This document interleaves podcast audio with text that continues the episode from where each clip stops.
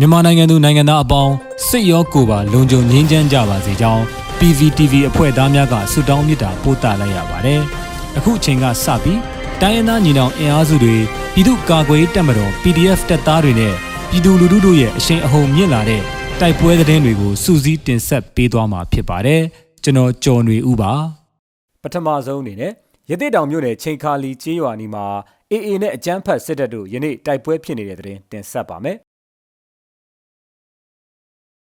ရခိုင်ပြည်နယ်ရသေးတောင်မြို့နယ်ချိန်ခါလီနဲ့ဒုံးပိတ်ကျေးရွာကြားမှာစစ်ကောင်စီတပ်နဲ့ရခိုင်တပ်တော် AA တို့ယနေ့ဩဂုတ်23ရက်နနက်ပိုင်း၌တိုက်ပွဲဖြစ်ပွားလျက်ရှိကြောင်းဒေသခံများကပြောပါရယ်။တိုက်ပွဲမှာနနက်၈နာရီအချိန်ခန့်မှစတင်ဖြစ်ပွားခြင်းဖြစ်ပြီးချိန်ခါလီနဲ့ဒုံးပိတ်ကျေးရွာသားများမှာအနီးအနားရှိကိုးတန်ကောက်ကျေးရွာများသို့ရှောင်တိန်နေရတယ်လို့ချိန်ခါလီကျေးရွာမှဒေသခံတဦးထံမှသိရတာပါ။ အဆိုပါဧရိယာမှာတိုက်ပွဲဖြစ်ပွားနေမှုကြောင့်ဘူးသီတောင်မှထွက်လာတဲ့ခီးတဲ့တင်ကားများမှာလည်းရက်ထားရတယ်လို့ခီးတဲ့တဦးကဆိုပါတယ်။ရခိုင်ဒေသမှာယခုလပိုင်းတွင်မောင်တော်မြောက်ပိုင်းနဲ့ပလက်ဝဘက်တို့မှာရခိုင်တပ်တော်နဲ့စစ်ကောင်စီတို့တိုက်ပွဲဖြစ်ပွားမှုများရှိနေပြီးစစ်ကောင်စီဘက်မှထိုးစစ်ဆင်မှုတို့ဇက်တိုက်လှုပ်ဆောင်လာနေတယ်လို့လည်းရခိုင်တပ်တော်ရဲ့စတုထအကြိမ်မြောက်သတင်းစာရှင်းလင်းပွဲမှာဦးဦးခိုင်ဒုက္ခကပြောဆိုခဲ့ပါသေးတယ်။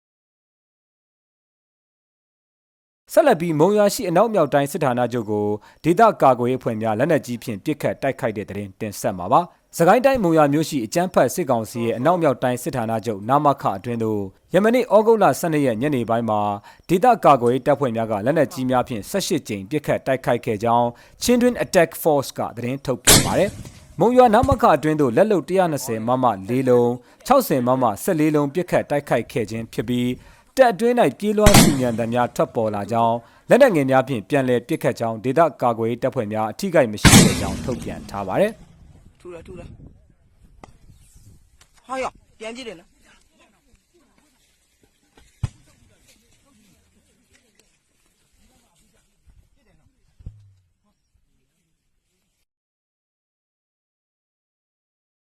ဝက်လက်မှာစစ်ရင်တန်းမိုင်းဆွဲတိုက်ခိုက်ခံရမှုစစ်သား10ဦးသေဆုံးတဲ့တဲ့တင်တင်ဆက်ပါမယ်။စကိုင်းတိုင်းဝက်လက်မြို့နယ်မှာဩဂုတ်လ12ရက်နေ့မွန်းလွဲပိုင်းတွင်ကားလေးစီးပါစစ်ရင်တန်းမိုင်းဆွဲခံရပြီးစစ်ကောင်စီတပ်ဖွဲ့ဝင်10ဦးသေဆုံးသွားကြောင်း PDF မဟာမိတ်အဖွဲ့များကသတင်းထုတ်ပြန်ပါတယ်။ဩဂုတ်လ12ရက်နေ့မွန်းလွဲ2:45မိနစ်အချိန်စကိုင်းတိုင်းရွှေဘိုမှစစ်ကားအကြီး၄စီးဖြင့်ဝက်လက်မြို့နယ်လှတော်ကြီးရွာဘက်သို့လာရောက်စဉ်ရွှေဘိုခရိုင်တပ်ရင်း23တပ်ခွဲ1နယ်မဟာမိတ်များ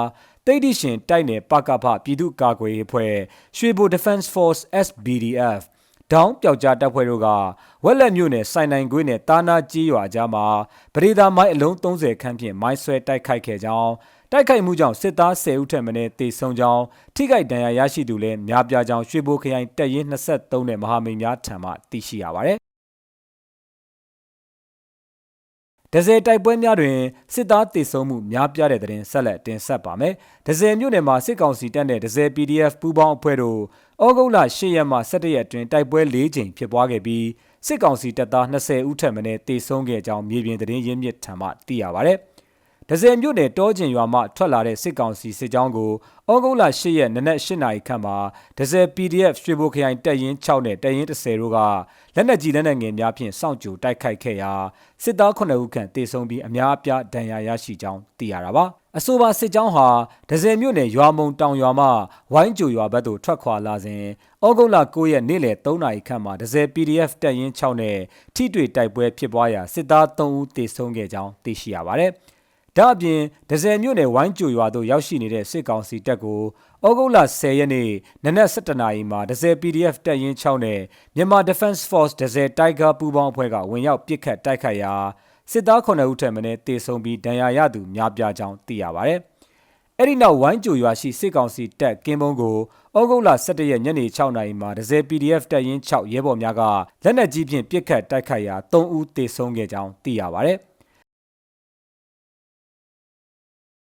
နောက်ဆုံးအနေနဲ့ရှားတော့တိုက်ပွဲမှာစစ်သား9ဦးသေတဲ့သတင်းတင်ဆက်ပါမယ်။ကရင်နီပြည်နယ်ရှားတော့ဒေသမှာဩဂုတ်လ9ရက်နေ့တငူးဆိုတပ်စခန်းမှာတက်ဆွန့်ခွာသွားတဲ့အကြမ်းဖက်စစ်ကောင်စီတပ်နဲ့ KA KNDF B17 B12 B14 ပူးပေါင်းတပ်တို့အကြားရှားတော့မြို့တနေရာမှာထိတွေ့မှု၃ကြိမ်ဖြစ်ပွားခဲ့ကြောင်းထိုထိတွေ့မှုအတွင်းအကြမ်းဖက်စစ်ကောင်စီဘက်မှ2ဦးအထက်သေဆုံးပြီးအများအပြားဒဏ်ရာရရှိခဲ့ကြောင်းဩ ဩဂုတ်လ9ရက်နေ့မှာရှားတော်မြို့တနေရာတွင်ထိတွေ့မှုတစ်ကြိမ်ထပ်မံဖြစ်ပွားခဲ့ပြီးအကြမ်းဖက်စစ်ကောင်စီတပ်မှ9ဦးသေဆုံးကြောင်း KNDF ကသတင်းထုတ်ပြန်ထားပါတယ်ခင်ဗျာ။